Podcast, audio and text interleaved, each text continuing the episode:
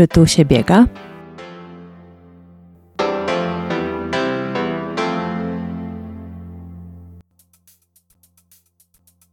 Jakiś czas temu miałam już okazję nagrywać na polu mokotowskim. Też było przyjemnie. Też byli biegacze i spacerowicze wokoło. Jak jest zielono, to w ogóle jest dobrze. E, tym razem też, co ciekawe i bardzo się z tego cieszę, mam rozmówczynię, bez zbędnych wstępów, bo to jest e, odcinek, na który wiem, że czekacie, o który prosicie, więc trzy słowa. Ze mną jest dietetyk Kasia Biłous. Dzień dobry. E, Kasia, spotykamy się nie pierwszy raz, natomiast mamy świadomość tego oczywiście, że tych wątków i pytań, które się pojawiają po każdym naszym wspólnym odcinku, zawsze jest multum różnymi kanałami. Dobrze, jak napiszecie, czy mm, prywatnie w, w kanałach messengerowych, czy jakichkolwiek innych e, mailowych, to jak najbardziej ja to notuję i my będziemy do tego oczywiście wracać. E, bywa tak, że niektóre tematy, tematy będziemy brać e, na tapet w oddzielnych odcinkach, bo są tak obszerne. E, teraz obiecuję bardzo nie skakać, ale rzeczywiście ten rys, który się ułożył i który w zasadzie kończyłyśmy poprzednie nagranie właśnie tym, bo wtedy obiecałyśmy sobie, że do tego właśnie tematu wrócimy. Mianowicie, Kasiu, z twojej praktyki wieloletniej powiedz, dlaczego kobiety po pierwsze jedzą za mało, a po drugie na czym polega właśnie to, takie pojęcie tego fizjologicznego niedożywienia, bo że ono istnieje, to wiem nie tylko od ciebie. Hmm. Kobiety często jedzą za mało, bo bywają takie, które jedzą odpowiednio i jedzą e, w zbyt dużej ilości, więc tutaj nie możemy traktować kobiety jako e, jedyny sposób e, odżywiania czy odżywienia ich organizmu. Ale często zdarza się, że właśnie to kobiety nie dojadają. Dlaczego tak się dzieje? Myślę, że jest to wpływ różnych informacji, nawinięcia się tych informacji, sprzęgnięcia się złych sposobów odżywiania. Dołóżmy do tego trochę brak czasu, dołóżmy do tego różnego rodzaju spotkania i priorytety jakim są nasze dzieci na przykład. E, I mamy gotowy przepis na to, dlaczego nie zjadamy jako kobiety w odpowiednich e, ilościach, a w dłuższym okresie czasu, dlaczego się przyzwyczajamy do tego stanu rzeczy i do czego przyzwyczaja się nasz organizm, a potem już nie żądając od nas e, większych ilości, bo zaspokaja się tym, co dostaje. I taki, e, to jest smutne, ale taki trochę truizm, dojadanie po dzieciach, właśnie bo chociażby e, o tym e, wspomniałaś, że nasze dzieci bywają naszym priorytetem życiowym w różnym zakresie i na różnym poziomie. Dojadanie po dzieciach to nie jest pełnowartościowy posiłek osoby dorosłej. No nie.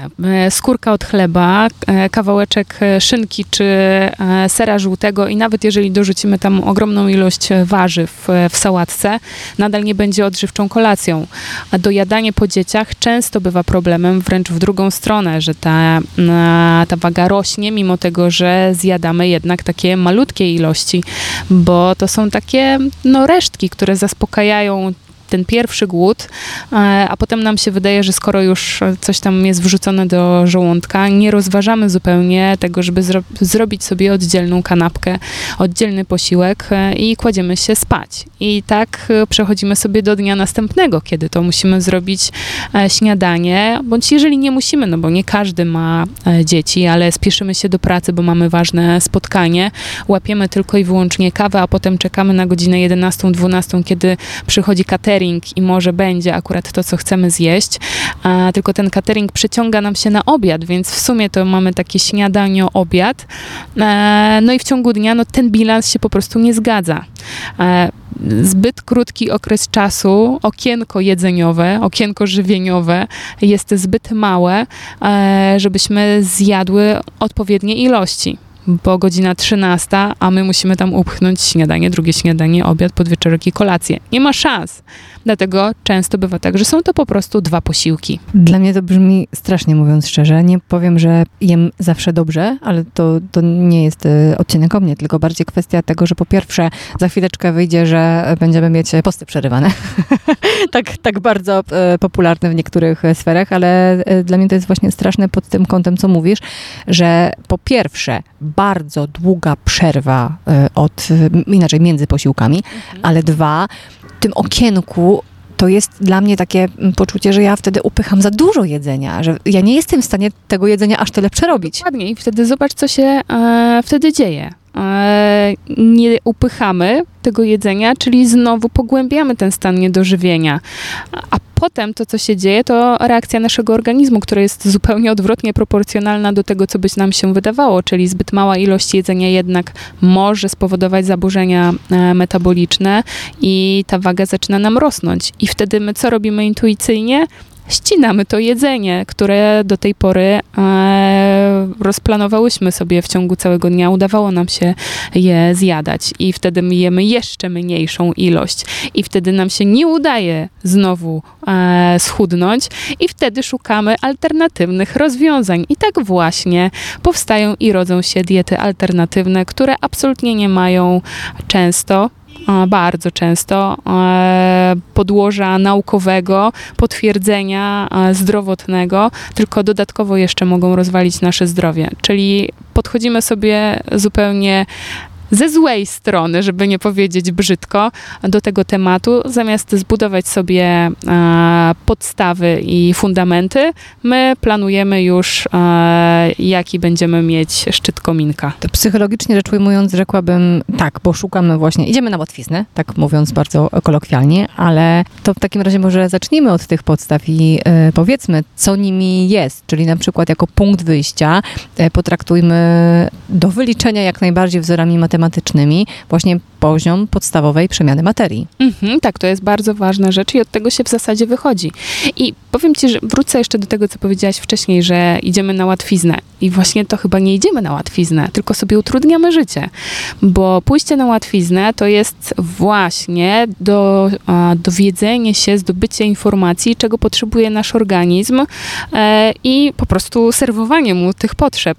A my e, szukamy niestworzonych sposobów od płukania jelita grubego poprzez e, zmniejszenie żołądka. Tak, e, wyciągi z różnych e, substancji, roślin, e, szukanie e, specjalistów alternatywnych na takie miejsce oczywiście, e, czy na takie sprawy jest miejsce gdzieś tam w naszym świecie, ale to nie jest rzecz, na którą powinniśmy w pierwszym odruchu sięgać, tylko sięgamy do tych podstaw. Sięgamy sobie do e, biologii, sięgamy sobie do, do zapotrzebowania organizmu, do tego, czego ono potrzebuje, yy, do, może do objętości naszego baku paliwowego. Po prostu musimy wiedzieć, ile powinniśmy zjeść i czego. I to jest naprawdę tak banalna rzecz, że chciałoby się wręcz krzyczeć do takich osób, które popełniają różnego rodzaju błędy i, i, i martwią się, że jedzenie sałaty i zdrowe odżywianie w ich pojęciu poprzez jedzenie bio i ekoproduktów nie skutkuje na przykład redukcją masy ciała czy poprawą zdrowia. Ale ja y, nie wycofam się z moich słów, wiesz dlaczego? Ja rozumiem, trafiają do mnie twoje argumenty, y, natomiast prościej jest, w cudzysłowie oczywiście, nie zadawać pytań, bo jeszcze, a na te pytania padną odpowiedzi, jakich nie chcemy y, dostać, tylko prościej jest spróbować rozwiązań, które są może modne, może koleżanka właśnie stosowała, a może ktoś teoretycznie wykonał tę pracę za nas, a my tylko się, e, że tak powiem, no spróbujemy z tym. No ale tak jak mówisz, no to, to, to jest droga donikąd, więc e, jeśli mowa chociażby o tym PPM-ie i tutaj uwaga ważna, to oczywiście kierujemy nie tylko do pań, ale również do mężczyzn. Także oddaję Ci głos. Mhm. Poziom podstawowej przemiany materii możemy sobie wyliczyć najprościej, jeżeli już szukamy najprostszych rozwiązań, wpisując właśnie to hasło w wyszukiwarkę internetową i dzięki wiedzy, jaką mamy płeć, ile mamy lat, jaki mamy wzrost i ile ważymy, możemy uzyskać taką odpowiedź. Czyli a, ile potrzebujemy kalorii do tego, żeby leżeć, przeżyć a, i utrzymywać bieżącą masę ciała bez aktywności, bez stresu, bez choroby oczywiście oczywiście, bo choroby też często powodują zwiększone zapotrzebowanie energetyczne, po to, żeby się odbudować i zregenerować. Obliczając sobie taką ilość energii, wiemy o tym, ile powinniśmy zjeść podstawowo. Do tego musimy dołożyć e, naszą aktywność, czyli to, co wykonujemy w ciągu dnia. Niezależnie, czy to jest bieganie, czy to jest basen, Czy to jest e, jazda na rowerze po dzieci do przedszkola, szkoły i powrót, czy to są spacery z psem, czy to są spacery z e, rodzicami. To jest aktywność fizyczna. No i najprościej, znowu szukając jakichś prostych rozwiązań, możemy też e, kierować się mm, na przykład wyliczeniami, które dają nam zegarki. Możemy też wpisać, e, wyliczając to całkowite zapotrzebowanie energetyczne, e, wskaźniki, współczynniki, które są tam opisane w internecie i też możemy sobie określić to nasze całkowite zapotrzebowanie. I ono, o dziwo, wychodzi naprawdę dosyć spore. E, No bo nawet w samych normach żywienia, dzieci nawet, niektórzy się dziwią, wychodzi nam, że my minimalnie ze średnią aktywnością fizyczną, naprawdę, no ale taką przyzwoitą. Też, nie to, że siedzimy przed e, komputerem tylko i wyłącznie e, i, i się nie ruszamy, no ale wychodzimy sobie gdzieś tam na jakieś spacery, robimy te 10 tysięcy kroków dziennie, potrzebujemy minimum 2000-2200 kalorii, czyli wchodząc sobie od razu na dietę 1200, jeżeli po tygodniu nie widzimy efektu e, redukcji masy ciała, to znaczy, że coś jest tam źle i jest to bez sensu kontynuować. Tym źle jest właśnie to, że e, przy zapotrzebowaniu tysiąc większym, to nie ma prawa działać po prostu. 1000 kalorii możemy sobie zre- zredukować, ale jeżeli podejmujemy dietę redukcyjną, czyli niższą niż to nasze całkowite zapotrzebowanie i nie niższą niż poziom podstawowej przemiany materii, bo to też jest ważne. Nie można dolewać mniej niż organizm potrzebuje do życia, więc to miejmy tego świadomość. Jeżeli tam się nic nie dzieje podczas tej redukcji, to znaczy, że kalorie e, nie spełniają swojej czyli nasz organizm jest niedożywiony, zaczyna wchodzić w stan stresu i zaczyna działać przeciwko nam po to, żeby się bronić. Jeżeli nasza waga nie spada mimo naszych usilnych e, starań zmniejszenia ilości energii, e, czy wejścia na jakąś dietę koleżanki, bądź dietę z e, internetu, to znaczy, że nasze ciało się broni. I taki jest z tego wniosek. Jeżeli nasze ciało się broni, to znaczy, że nie współgra z nami, nie współdziała i nie będzie działało tak, jak my chcemy. Jeżeli ono tak nie robi, znaczy, że robimy źle i to już jest e, czas do refleksji i spojrzenia na to, jak jemy. Ta refleksja jest nam potrzebna i e, to, co mnie przyszło do głowy w pierwszej kolejności, jak e, ciebie słuchałam, to trzeba się zastanowić i najpierw zobaczyć, inaczej, określić punkt, z którego wychodzimy. Czyli chociażby możemy w tym momencie zacząć od prowadzenia jakiegoś dzienniczka, rozumiem. Tak, możemy sobie prowadzić dzienniczek, możemy sobie zapisywać dokładnie to, co zjadamy, możemy sobie nawet zrobić zdjęcie temu, co, co zjadamy, a potem wieczorem wpisać wszystko do takiego dzienniczka. Są aplikacje, które nam na, na to pozwalają. To też nie musi być co do grama ilość, bo wiemy o tym, że w kotlecie, jak dostaniemy, czy kupimy sobie gotowy kotlet, to nie jesteśmy w stanie stwierdzić, ile tam jest oleju w panierce. Więc tutaj bardziej chodzi o sam szacunek. Jak sobie oszacujemy i będziemy wiedziały, że te ilości, które my zjadamy są a, no, dziwaczne albo mniejsze od tego, co e, wyliczyłyśmy z całkowitego zapotrzebowania, albo dużo, dużo większe, to też e, no, to jest czas do tego, żeby podjąć odpowiednie działania i możemy sobie nawet taką metodą bardzo chałupniczą do tego podejść, czyli e, przeprogramować ten sposób dzisiejszego jedzenia na sposób jutrzejszego jedzenia, czyli mając w lodówce dokładnie to, co dzisiaj zjedliśmy, możemy sobie poukładać ten plan jedzenia na, na, na następny dzień, co to też bardzo ważna jest informacja. Jeżeli będziemy sobie planować, co zjemy następnego dnia mniej więcej ilości, to oszczędzimy.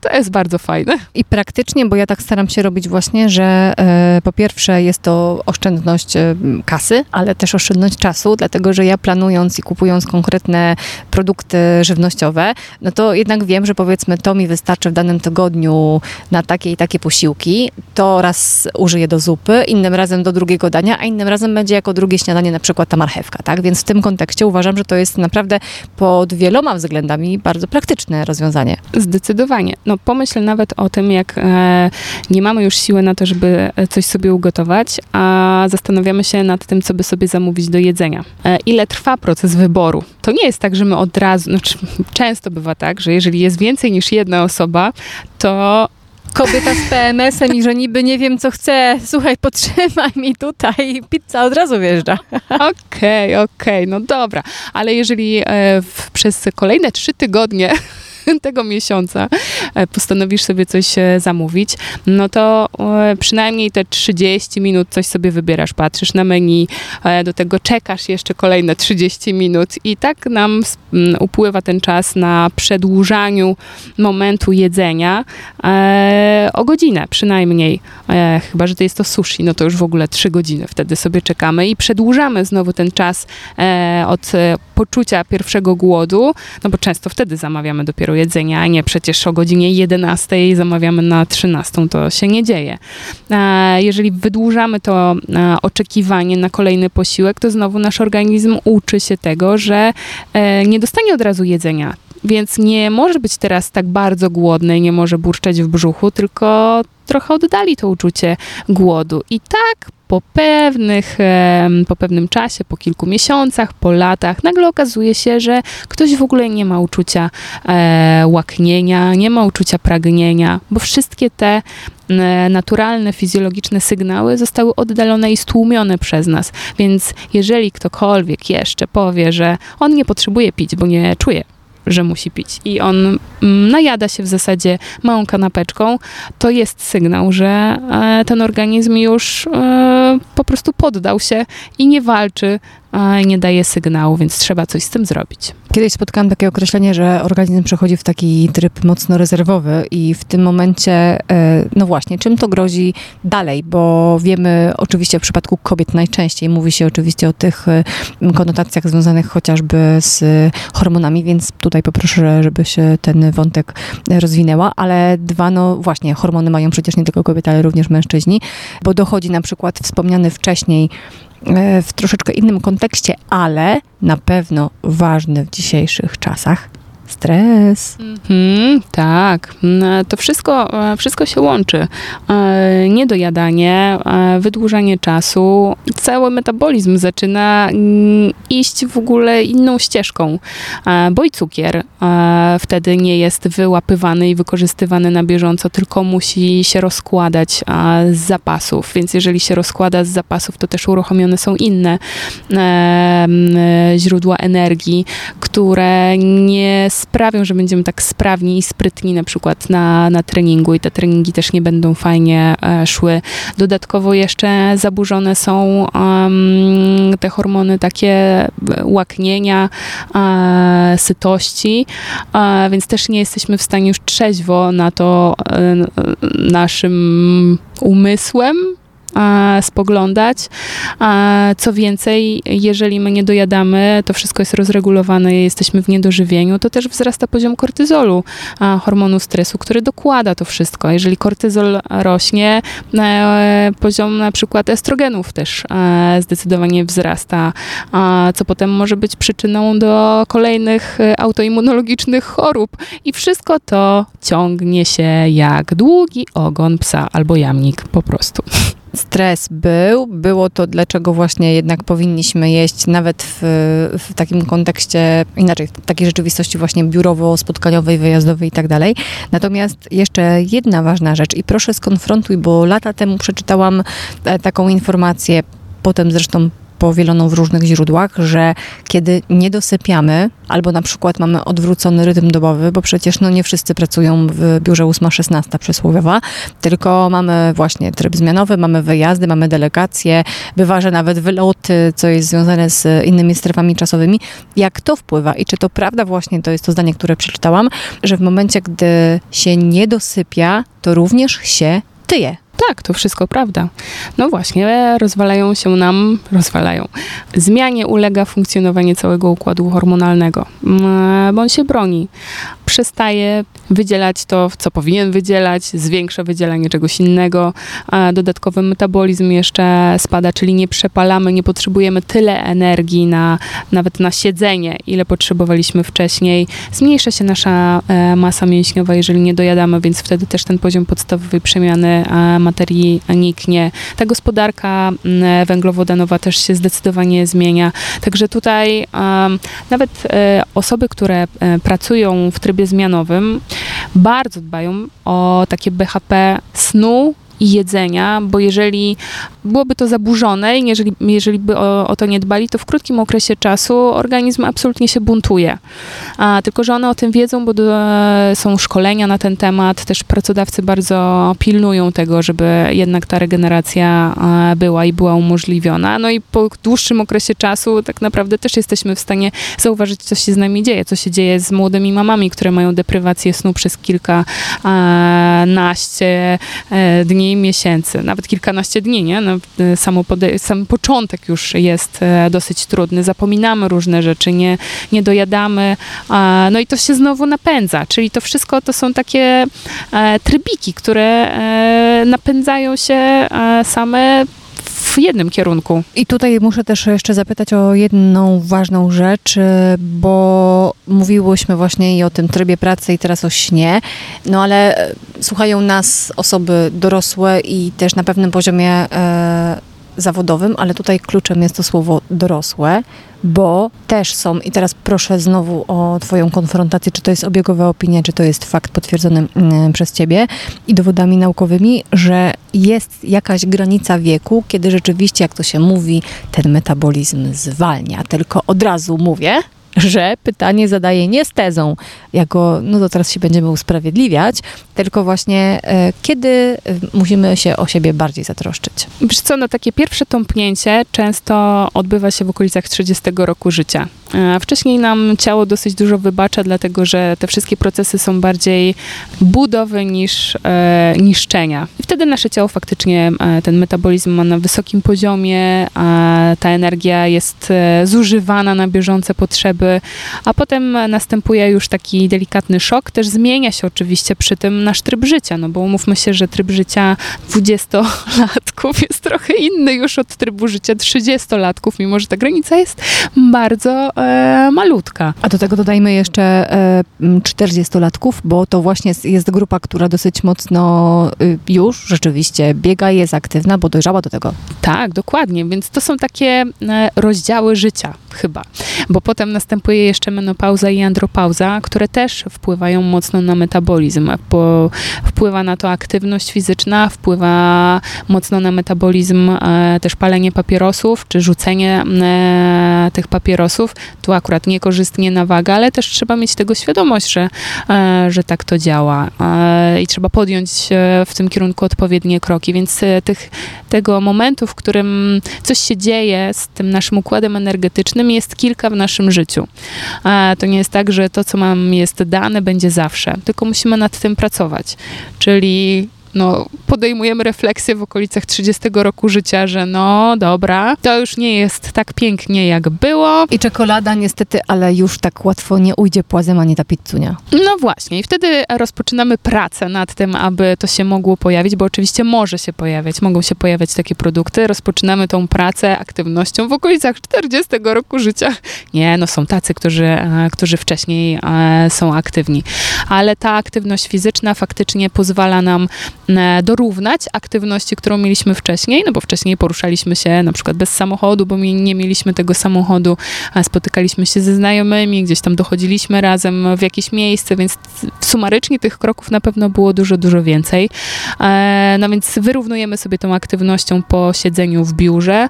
E, no a możemy też jeszcze zwiększać tą aktywność, więc już wtedy wchodzimy w takie specjalistyczne żywienie okołotreningowe, które też jest bardzo, bardzo ważne. Oprócz tego, że mi się bardzo podoba takie właśnie płynne przejście do kolejnego e, pytania, które y, mam dzisiaj dla ciebie, to jeszcze tylko dodam od siebie to, co właśnie mówisz. Właśnie ta magiczna czterdziestka dla wielu osób i myślę, że obu płci y, w różny sposób właśnie magiczna, to jest na plus akurat w kontekście podejmowania wysiłku fizycznego, bo to jest znowu taki moment y, w życiu, kiedy już, jeśli są dzieci, to bywa, że one już nie są takie malutkie, to raz. Dwa, już jest właśnie jakiś poziom powiedzmy stabilizacji finansowej i życiowej w postaci pracy, nawet, nawet jest szansa, że ulubionej e, i, i takiej, z której jesteśmy też zadowoleni, jeśli chodzi o wynagrodzenie.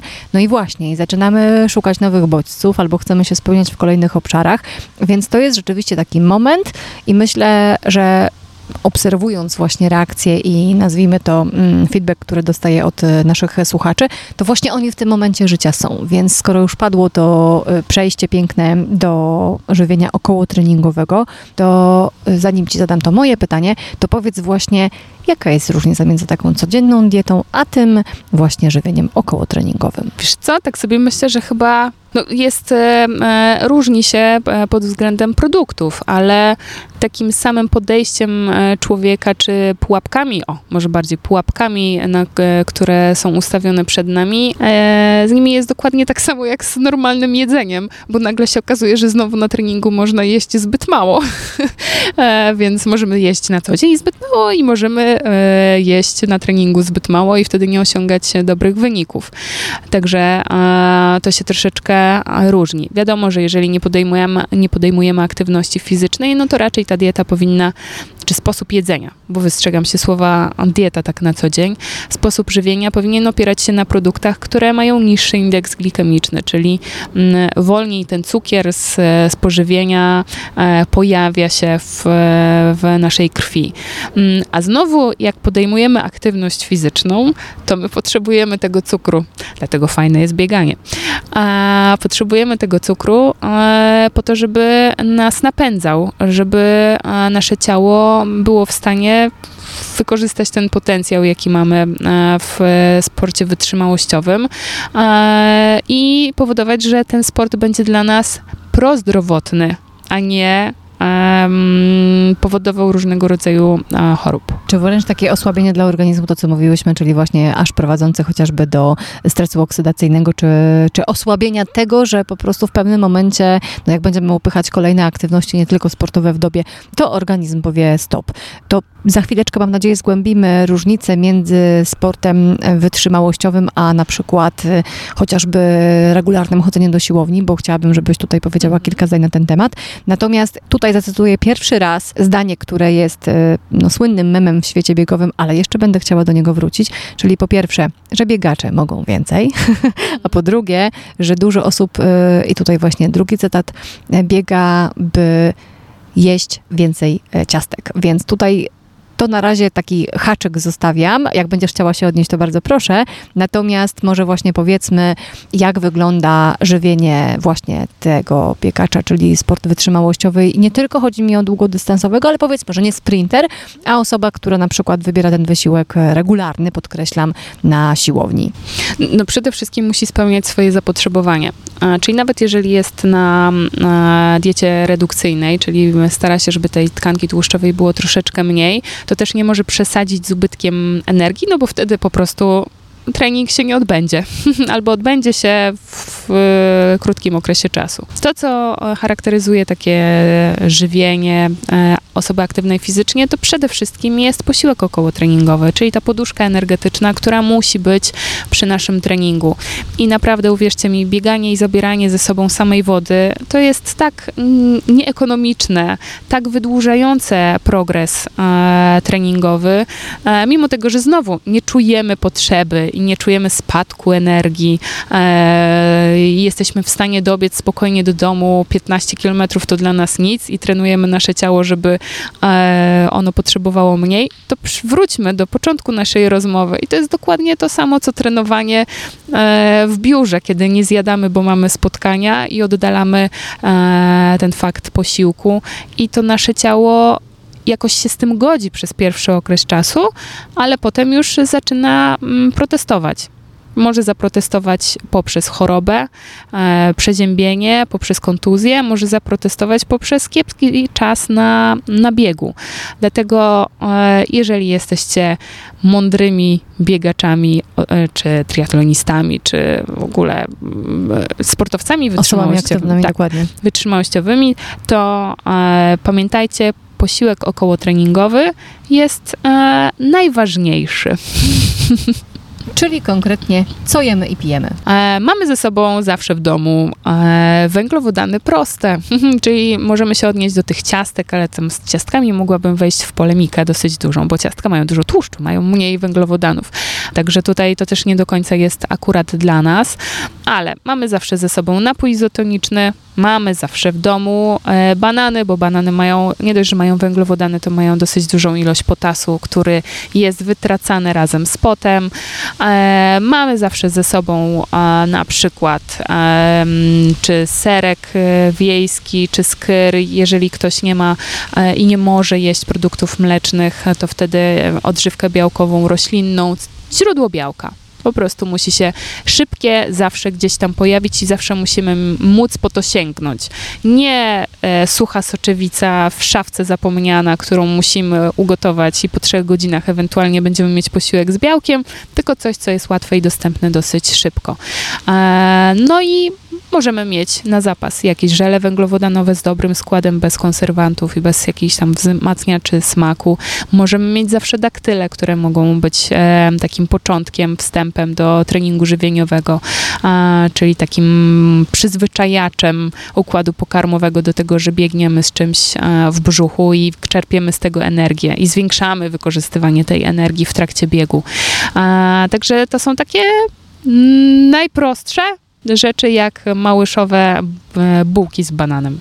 Wybacz, nie lubię daktyli, więc czym mogę zastąpić? Z suszonych owoców, e, no to jest niewielka, niewielkie pole do popisu, bo mamy rodzynki, które w większości składają się z, ze skórki, więc dla układu pokarmowego one raczej nie są korzystne. Mamy figi, które mają w środku znowu pesteczki, też mają taką dużą, grubą skórkę.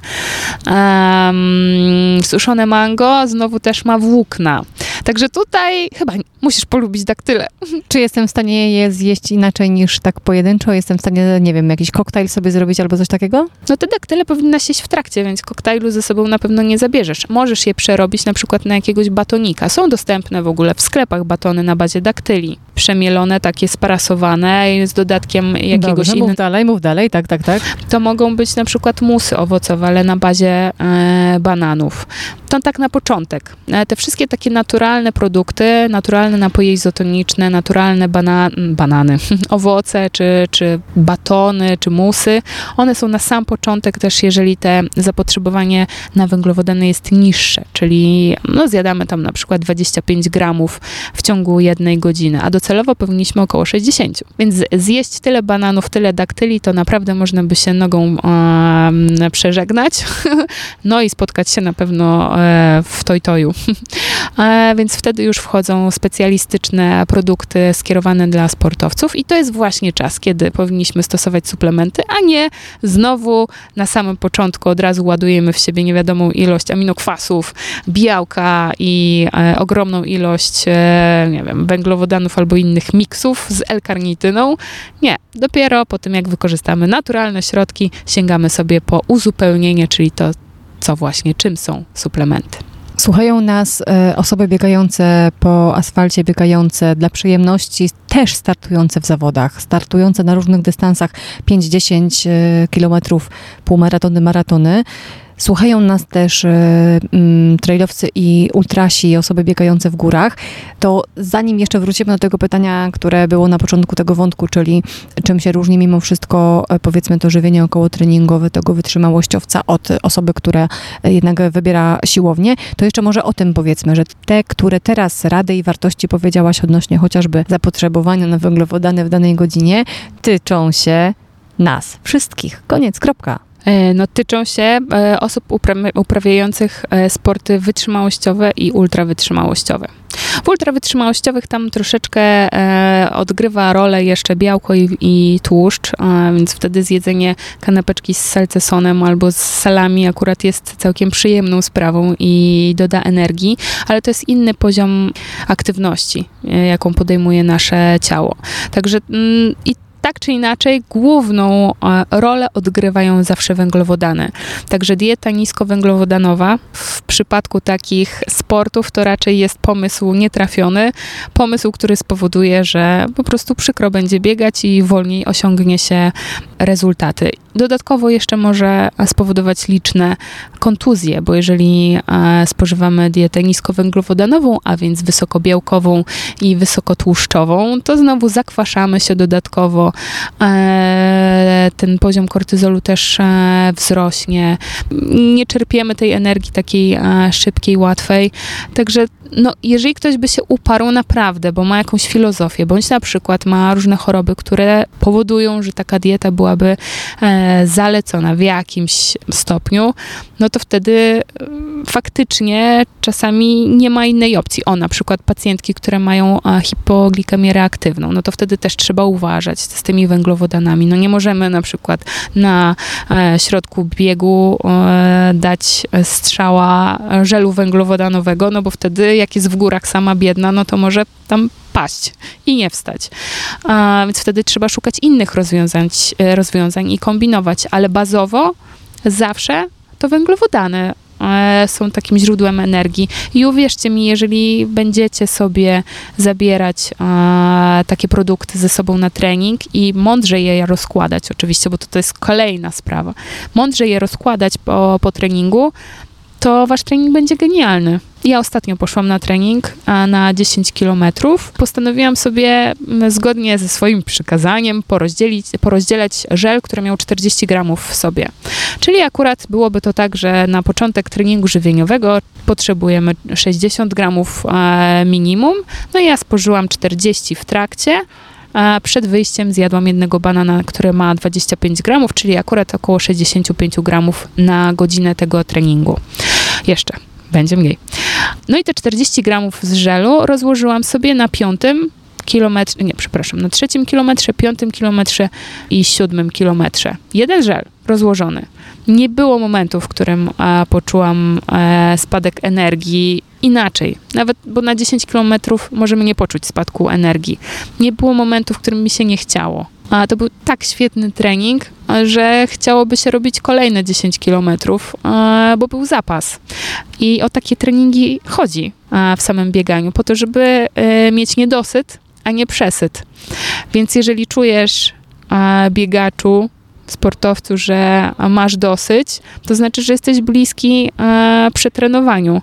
A przetrenowanie to nic innego jak właśnie e, reakcja organizmu na bodźce i rzeczy, które dostaje twoje ciało. Albo których właśnie nie dostaje i właśnie te braki, prawda? Dokładnie tak, tak. A przetrenowanie to też jest e, niedożywienie e, naszego ciała. To jest reakcja hormonalna. To nie jest tak, że trener sobie po prostu wymyślił, że codziennie chodzisz na trening i twoje nogi się zmęczyły i to jest przetrenowanie. Nie, to jest po prostu reakcja fizjologiczno-biochemiczna e, naszego ciała na różnego rodzaju elementy. Najczęściej e, taką gwoździem do trumny jest zbyt mała ilość energii i to pokutuje w polskim sporcie bardzo, naprawdę. Nawet w sporcie zawodowym. Ta świadomość się zwiększa, świadomość trenerów się zwiększa i zawodników, ale nadal jak się ktoś zapiecze, to ciężko mu jest wytłumaczyć, że musi coś zmienić, ale jak zmieni, to widać efekty. Ja myślę, że właśnie ta świadomość, którą tutaj budujemy między innymi w tym cyklu podcastowym jest e, naprawdę ważna, dlatego że ja potwierdzam to, co ty powiedziałaś, bo to było i, za, i zarówno e, ładnych parę tygodni już temu w lądku podczas e, Złotego Maratonu po górach, więc no, wysiłek duży e, i, i podczas właśnie takich treningów, kiedy mam rozpisane chociażby BNP i tak, potwierdzam, a musiałam do tego też dojrzeć i zmądrzeć, że te węglowodany w postaci żeli pomagają, bo kiedy zwiększasz prędkość i wciąż przed sobą jeszcze masz te kolejne 4 km i kolejne 4 km i kolejne 4 km, a muszę przyspieszyć, no, znaczy nie muszę, ale powiedzmy, że chcę, tak, no to skądś tą siłę muszę e, zabrać i rzeczywiście widziałam po sobie, że to działało, no ale właśnie, to jest to ten trening, to co powiedziałaś, to nie tylko ten trening jako jednostka, ale ten trening żywienia, e, trzeba się przemóc i rzeczywiście te żele e, na to mm, codzienne bieganie zabierać. Widzę, że mm, nie tylko po znajomych, ale widzę, że ludzie z tym mają problem, że już doszło do świadomości, że okej, okay, na zawody sobie kupię e, izo czy właśnie żel, ale w tygodniu, a po co? Mhm, no tak jest, ale zyskują na, to, na tym ci, którzy e, przekonują się, że trzeba to robić. I czy to jest ten słynny właśnie, y, nazywany równie, ale jed, róż, różnie, ale jednak właśnie trening jelita? Tak, tak, to tak można powiedzieć, bo trening jelita, no nie tylko, e, nie tylko o to chodzi, nie tylko chodzi o to, żeby te węglowodany wchłaniały się jak najlepiej w, w jelicie cienkim, ale chodzi o to, żeby żołądek sam się um, do tego przyzwyczaił, do objętości, do, do faktu w ogóle działania i funkcjonowania w, um, przy aktywności um, i przy tempie, jakie e, sobie próbujemy. Także tutaj ten trening żywieniowy opiewa właśnie na, na żołądek, na jelito cienkie, no jelito grube raczej jest poza naszą kontrolą, e, ale właśnie w dbałości o to, żeby jelito grube raczej było po naszej stronie, a nie e, po swojej stronie. E, element humorystyczny podoba mi się bardzo. To tylko jeszcze taki aspekt bardzo praktyczny, bo ty powiedziałaś właśnie, że na tym swoim wybieganiu 10 kilometrów tam sobie odpowiednie etapy dostosowałaś. Ja podobnie, czy to jest trening właśnie taki codzienny, czy, czy zawody też sobie jakoś tam planuję. Natomiast, no, dlatego mówię, że względy praktyczne, bo dużo żeli różnych firm ma raz otwarcie, no i albo wypijemy w całości, albo wyrzucamy, więc to jest duże ograniczenie, ale na szczęście są na rynku takie, które mają zakrętkę i wtedy rzeczywiście możemy robić tak, jak e, mówisz. No ja właśnie akurat e, chociażby właśnie chyba wtedy korzystałam z żelu Enervita i o to też chodzi w tym treningu, żeby próbować różnych, bo wiemy, na które nasz żołądek zareaguje dobrze, a na które źle i pod względem smaku, i pod względem gęstości, i pod względem właśnie tego składu. I, i ja to też e, wiem po sobie, ośmioletnie doświadczenie za mną e, przemawia, ale Kasiu, powiedz ty, że, żeby to jeszcze bardziej wybrzmiało, proszę, że nie można się zrażać, trzeba szukać do skutku. Tak, trzeba szukać do skutku e, takiego smaku, który jest przyjemny i takiego składu, który jest odpowiedni dla naszego organizmu, bo niektórzy, jest SIBO, są problemy e, układu trawiennego ogromne po, po zbyt dużej ilości fruktozy. Niektóre żele opierają się tylko i wyłącznie na, na znaczy w większości na przykład na fruktozie. Są e, produkty, które są tylko i wyłącznie z jednym rodzajem e, węglowodanów, które też nie, nie w pełni osiągają swoje efekty, ale znowu pomagają i dają szansę tym, którzy nie mogą mieć produktów z mieszanym składem węglowodanów. Tutaj chodzi też o to, żeby smak e, nie odstraszał, żebyśmy sobie e, przepróbowali to na treningach. Pamiętam jedne takie zawody w głębokim lesie, w górach, w Karkonoszach. E, szukałam po, całym, po całej Warszawie mojego ulubionego żelu. No nie było go, bo dystrybutor chyba padł wtedy.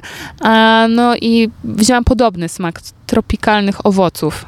Bo chciałam bardzo gdzieś e, być w smaku takim mango, pomarańczowy. O matko, to smakowało tak strasznie, że do tej pory przed oczami mam obrazek miejsca, gdzie się znalazłam, gdzie jestem, i w ogóle tego smaku, który przeszywa e, mój układ pokarmowy i chce mi się wymiotować. A to były ostatnie kilometry, najważniejsze, bo walczyliśmy wtedy o e, drużynowe podium. No i mnie po prostu pokonało, było mi niedobrze, chciało mi się wymiotować. Nie chodziło o sam skład, tylko o sam smak, który był połączeniem gumy balonowej z, nie wiem, jakbyśmy widzieli smerfowe lody gdzieś na rynku. To było coś takiego. No i miało napis e, żel tropikalny. Bo gorące emocje były, jak się okazuje, nie do końca takie, o które nam chodziło. To jeszcze tylko domknijmy wątek, zanim jeszcze ci zadam dwa e, krótkie pytania.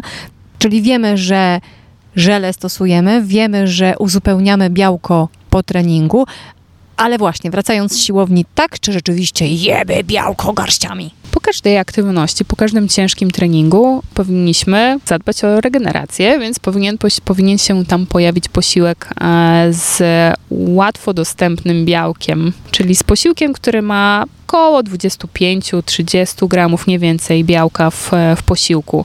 Więc czy to będzie e, modnie zrobiony w e, kawiarence e, siłownianej, czy to będzie kotlet w domu zrobiony e, własnoręcznie, nie ma różnicy. Wiadomo, że ten shake, koktajl będzie szybciej wtedy i faktycznie możemy się wyrobić w tym, w tym czasie około 40 minut e, od zakończonego treningu. E, obiad może być trochę dłużej, ale też niekoniecznie, bo możemy go mieć ze sobą, albo może być już zrobiony z dnia poprzedniego. No nie trzeba gotować codziennie, absolutnie. I, i, i przegrzewamy na parze i to cała, prawda? Dokładnie. E, I zjadamy sobie i ten posiłek jest dokładnie taki sam, jeżeli chodzi o, o skład. Także tutaj nie musimy mieć, idąc na siłownię, specjalistycznych produktów, które mają miksy różnych substancji, działają. Ostatnio to niemodne jest e, też e, kierować się takimi miksami e, siłownianymi. Tak, tak, i więcej na razie nie powiem. Myślę, że każdy się domyśla i sobie w głowie odpowiada, co poszło nie tak u kogo. To jeszcze zapytam, bo mówimy o jedzeniu w trakcie treningu, ale wiesz o tym, na pewno wiesz, że dużo osób biega na czczo i czy to dobrze, czy źle. Jeżeli biega po to, żeby um, schudnąć tylko, to faktycznie mo, może pójść i sobie pobiegać te 30 minut, 40 minut, nie dłużej. Bieganie dłuższego okresu czasu po to, żeby schudnąć na czczo jest absurdalne, bezsensowne, nieekonomiczne. Nie róbcie tego. Bo powiększamy wtedy ten taki dług w naszym organizmie, prawda? Wtedy źródłem energii stają się po tym czasie mięśnie, więc jeżeli chcemy mieć ładnie wyrzeźbione ciało, jeżeli chcemy się dobrze regenerować i przepalać tkankę tłuszczową, to tylko taki krótki trening. Jeżeli natomiast chcemy na pewno zadbać o swoją e, wydolność, wytrzymałość, jeżeli chcemy przy tym również e, zredukować e, tkankę tłuszczową, to nic nie stanie się, jeżeli będziemy jeść coś przed treningiem, jeżeli to będzie banan, jeżeli to będzie te 25 gramów węglowodanów właśnie pod postacią czy owocu, czy nawet espresso z cukrem. To też już da nam troszeczkę energii, która pozwoli nam pociągnąć ten trening troszeczkę dłużej, jeżeli robimy trening dłużej, no to wynikowo przepalamy większą ilość energii. Jeżeli mamy potem więcej energii, jesteśmy lepiej zregenerowani, nic nas nie boli i nie cierpimy po takim treningu e, zamordystycznym, no, to idziemy na następny trening i jest fajnie i przyjemnie i w perspektywie tygodnia, dwóch, trzech ta waga zaczyna spadać, jeżeli mamy ubytek energetyczny. Sam trening na czczo, żeby powiększyć tą utratę tkanki tłuszczowej. Myślę, że procentowo nie będzie bardziej skuteczniejszy od e, przyjmowania L-karnityny, która zwiększa metabolizm tam około 10%, co też jest to kilkadziesiąt często e, energii, e, kalorii, a więc nie wydaje mi się, żeby to był dobry pomysł. Dobrze, to teraz na koniec zadam pytanie, które mam nadzieję będzie łącznikiem, ale już z kolejnym odcinkiem, bo mam też takie sygnały, że o tym też powinniśmy powinnyśmy też e, rozmawiać. Mianowicie, czy dużo masz pacjentów, pacjentek, bo tutaj wiem, że wchodzi w grę, e, wchodzą w grę obie płcie, które w jakiś sposób albo się nagradzają jedzeniem, albo karają się jego brakiem? To one już przychodzą z tym problemem. Rzadko e, bywa tak, żeby ktoś widział, że coś się dzieje nie tak i przyszedł po pomoc czy doradzenie, jak sobie z tym poradzić, bo widzi, że w jakąś złą stronę to idzie. Raczej, jeżeli następuje nagradzanie posiłkiem, no to już jest to jakiś problem z nadwagą czy z otyłością, a jeżeli ktoś się kara poprzez niedojadanie, no to tutaj są już zaburzenia odżywiania. Także przychodzi już efekt a nie e, stan przewlekły, czy raczej może takie traktowanie swojego ciała w chwili bieżącej. No jest to problem, który trzeba rozwiązać jakimś sposobem. Nie jest on jasny i nie jest on e, jednym sposobem, który e, działa na wszystkich, bo niektórzy mają tak, że jeżeli mają słodycze w domu, to zjadają je od początku do końca. Ja tak mam. I wiem o tym, że w domu po prostu nie może być e, słodyczy. Jeżeli mam na coś ochotę, i jest to trudniejszy czas w miesiącu, to e, wtedy faktycznie decyduję się na to świadomie i pociąga za sobą to pewne konsekwencje, czyli na przykład e, kolejny trening, czy ograniczam sobie w jakiś sposób i jakieś inne produkty z większą ilością na przykład węglowodanów czy tłuszczu, no zależy co e, lubię sobie zjeść, ale znowu też nie chorobliwie, bo to też można popaść w taką, takie zamiany, że nagle okazuje się, że wypijamy samą kolę, jemy kebaba i przegryzamy czekoladą i makroskładniki nam się zgadzają, więc tutaj też trzeba na to uważać. I padło takie określenie, które zastanawiam się, czy będzie w wątku oddzielnym poruszać, ale może w takim razie rzeczywiście warto. E, no ten nasz właśnie sławetny PMS e, kobiecy, czyli to jest ten czas, kiedy lubimy czekoladę trochę bardziej, natomiast e, no, prawda jest też taka, że to jest tylko częściowo do wytłumaczenia tym, co się dzieje w naszym organizmie, chociażby z powodów hormonalnych, ale też w dużej części jest to po prostu uwarunkowanie psychologiczne, prawda? Tak, powracamy bardzo chętnie do takich smaków, które e, łączą się z przyjemnymi wspomnieniami, ze spokojem, e, z, z nagrodzeniem siebie, z jakimś sukcesem.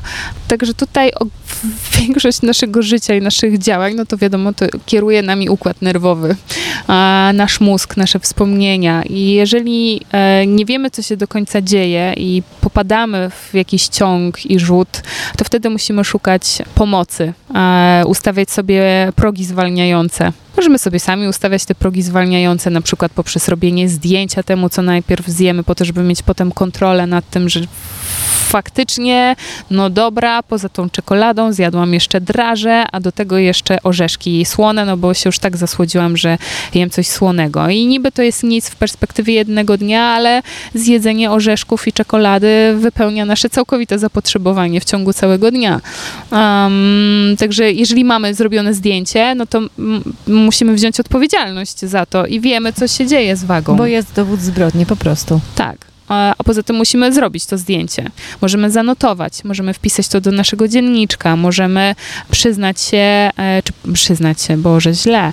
Nie, ale bo chciałam użyć po, tego słowa, wiesz? Powiedzieć e, dietetykowi o tym, co się wydarzyło, po to, żeby poszukać odpowiedzi, dlaczego tak jest, bo może ciągoty do czekolady to jest e, taka prośba naszego organizmu o większą ilość energii, łatwo dostępnej, bo zjadamy zbyt mało w ciągu całego dnia. To też tak jest. Tak, ale na koniec ja bym tutaj tak dopowiedziała, a może to jest też sygnał od naszego ciała albo od naszego po prostu ja, żeby polubić siebie, albo żeby jeszcze inaczej, pochylić się nad sobą samym, bo pędzimy, pędzimy, dbamy o wszystkich wokoło, a tymczasem może się okazać, że zapominamy o sobie tak doszczętnie, że nam się wszystkie inne sfery posypią, a wtedy no pytanie, czy to, co jest naokoło nas, poradzi sobie bez nas po prostu. Wiesz, nie ma ludzi niezastąpionych. Tutaj wejdę w, trochę w rolę adwokata diabła. Nie ma niezastąpionych, no ale kiepsko by było, gdybyśmy chorowały przewlekle. Mówi się o tym, że jak wejdziemy w stan menopauzy, tak nasza starość będzie wyglądać. Starość bywa ciężka, bo są to choroby przewlekłe, nakładające się na siebie i wynikające z e, traktowania naszego ciała wcześniej. Wiadomo, że jest genetyka,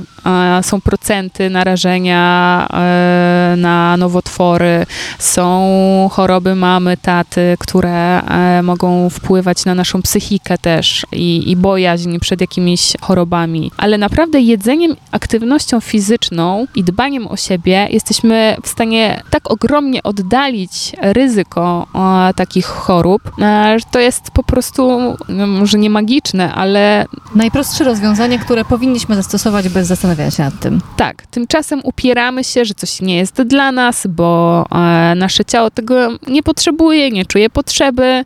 Ja walczę z, e, często z wiatrakami. Najbardziej opornym wiatrakiem e, są moi najbliżsi, którzy często biorą sobie jakieś moje porady do serca, ale nadal e, twierdzą, że czegoś nie potrzebują. Na przykład moja mama, nie będzie tego słuchać, ale e, faktycznie moim zdaniem powinna jeść więcej. Jeżeli zjada zbyt mało, to jej organizm e, no jest niedożywiony i nie ma siły walczyć z różnymi przeciwnościami chorobowymi. A więc jeżeli nie walczy, to pogłębia się ten stan chorobowy.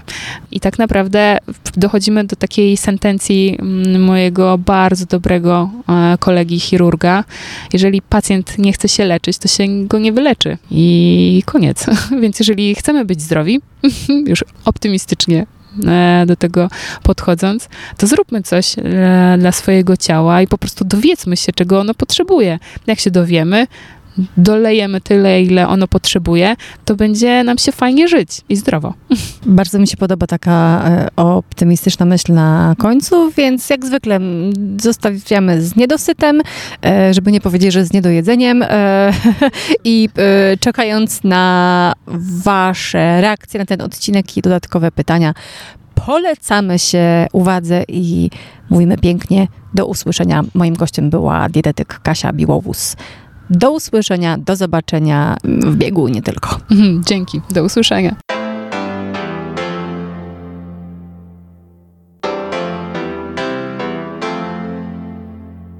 Czy tu się biega?